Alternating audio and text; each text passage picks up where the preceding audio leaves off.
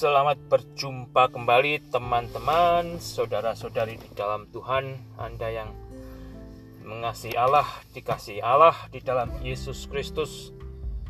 Jangan lupa, jangan segan, jangan bosan mengucap syukur ya. Mengucap syukur kepada Allah setiap hari, banyak kali dalam sehari, bukanlah hal yang tidak berarti, bukanlah hal yang hanya menjadi kebiasaan, tetapi piala itu menjadi hal yang benar-benar keluar dari hati saya dan Anda. Kita diberikan kehidupan setiap jam, setiap menit, setiap detik. Kita juga berterima kasih. Dan tentunya saudara, pengucapan syukur kita bukan hanya melalui mulut saya dan Anda, tetapi kita akan realisasikan dengan bagaimana saya dan Anda hidup sebagai anak-anak Allah, anak-anak tebusan Allah, anak-anak yang sudah diberi anugerah Allah di dalam Yesus Kristus ya.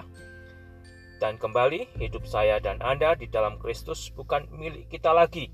Ya, jadi jangan sombong merasa Anda bisa melakukan semau Anda sendiri ya jangan menjadi sombong ya. Kalau Anda tidak mau diatur, diajar, dituntun oleh Allah bertumbuh ya di dalam kekudusan Allah sendiri yang mana Allah Roh Kudus telah tinggal di dalam diri saya dan Anda. Sehingga saudara, kita yang bersedia terus diajar oleh Allah, terus dididik oleh Roh Kudus, dibuat menjadi dewasa, kitalah yang akan mendapat kekuatan, kitalah yang akan mengalami damai sejahtera yang bertumbuh dan sukacita bukan karena dunia ini ya, tetapi karena Allah sendiri.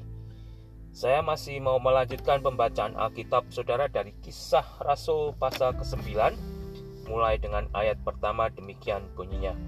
Sementara itu berkobar-kobar hati Saulus untuk mengancam dan membunuh murid-murid Tuhan Saulus menghadap imam besar dan meminta surat kuasa daripadanya untuk dibawa kepada majelis-majelis Yahudi di Damsyik supaya jika ia menemukan laki-laki atau perempuan yang mengikuti jalan Tuhan, ia menangkap mereka dan membawa mereka ke Yerusalem. Dalam perjalanannya ke Damsyik, ketika ia sudah dekat kota itu, Tiba-tiba cahaya memancar dari langit mengelilingi Saulus. Saulus rebah ke tanah dan kedengaranlah olehnya suatu suara yang berkata kepada Saulus, Saulus, Saulus, mengapakah engkau menganiaya aku? Jawab Saulus, Siapakah engkau, Tuan? Kata Yesus, Akulah Yesus yang kau aniaya itu. Tetapi bangunlah dan pergilah ke dalam kota, di sana akan dikatakan kepadamu apa yang harus kau perbuat. Maka termangu-mangulah teman-temannya seperjalanan, karena mereka, teman-teman Saulus tersebut, memang mendengar suara itu, tetapi tidak melihat seorang pun juga. Saulus bangun dan berdiri lalu membuka matanya, tetapi ia tidak dapat melihat apa-apa. Mereka harus menuntun Saulus masuk ke Damsyik. Tiga hari lamanya Saulus tidak dapat melihat, dan tiga hari lamanya ia tidak makan dan minum.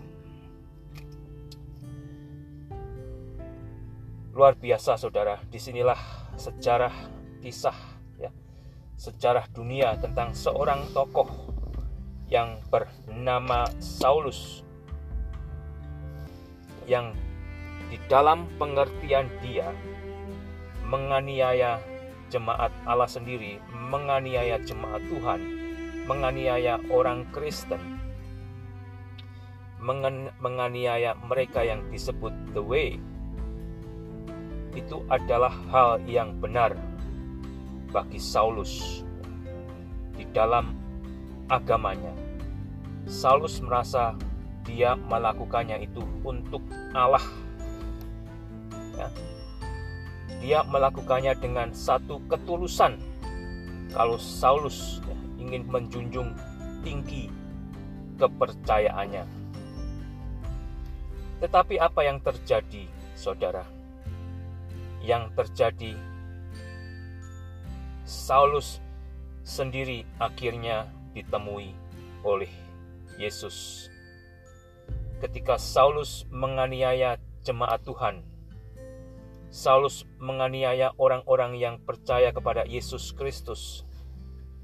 Yesus Kristus merasakan penganiayaan tersebut. Dan mungkin mengira Saulus saudara ya, Saulus mengira Yesus kan sudah mati. Oleh karena itu, dia diperhadapkan, diperlihatkan dengan satu kenyataan. Ternyata berita tentang nubuatan kalau Yesus akan bangkit kembali dan hidup. Yesus telah bangkit dan hidup saat itu juga menemui Saulus. Saudara Anda yang sudah bertobat, percaya kepada Yesus Kristus, apakah Anda memiliki pengalaman yang luar biasa di dalam pertobatan Anda seperti Saulus ini atau dengan bentuk yang lainnya? Banyak orang Kristen yang menjadi Kristen dengan tidak memiliki satu kesaksian pertobatan yang demikian atau istilahnya dari penjahat besar kemudian bertobat dari pembunuh besar, dari perampok besar, dari koruptor besar, kemudian sadar dan bertobat. Tetapi banyak juga dari hanya mendengarkan berita Injil, orang itu bertobat dan menjadi Kristen. Banyak macamnya saudara. Tetapi yang benar-benar penting itu adalah benarkah saya dan Anda dan mereka benar-benar bertobat? Dan di sinilah saudara contohnya yang kita lihat dari Saulus. Pertobatannya membuahkan satu kehidupan yang baru. Pertobatannya nantinya Anda akan melihat ya, bahwa Saulus akhirnya menjadi hamba Yesus Kristus. Bagaimana bagi saya dan Anda yang sudah bertobat? Apakah tujuan hidup saya dan Anda? Ya, tidak, tidak selalu Anda harus jadi pendeta, tidak selalu Anda harus jadi pastor, tidak, tidak selalu Anda harus jadi ya, majelis, tetapi yang selalu harus menjadi bagian saya dan Anda, kita menjadi hamba-hamba Kristus. Saudara, peristiwa sejarah yang dialami Saulus ini seharusnya boleh mendorong kita, ya. Anda yang juga mungkin dengan tulus hati, ya, mau mencari kebenaran Allah. Jaga ketulusan hati Anda, saudara, agar pada saatnya, kalau Allah belum menghampiri Anda, ya, belum menunjukkan jalan yang benar di dalam anda menyembah Allah, Allah sendiri yang akan menuntun Anda, Allah sendiri yang akan membawa Anda, Allah sendiri yang akan berbicara kepada Anda, sehingga di dalam ketulusan Anda, Anda akan beroleh keselamatan. Dan bagi saya dan Anda, saudara, kita bagaikan Yesus sendiri yang di dalam terangnya menemui Saulus, biarlah kita juga menjadi terang-terang kecil, sehingga kita pun boleh menjadi kesaksian bagi manusia lain yang belum bertemu dengan terang Yesus. Dan pada akhirnya, saudara, Anda dan saya kembali.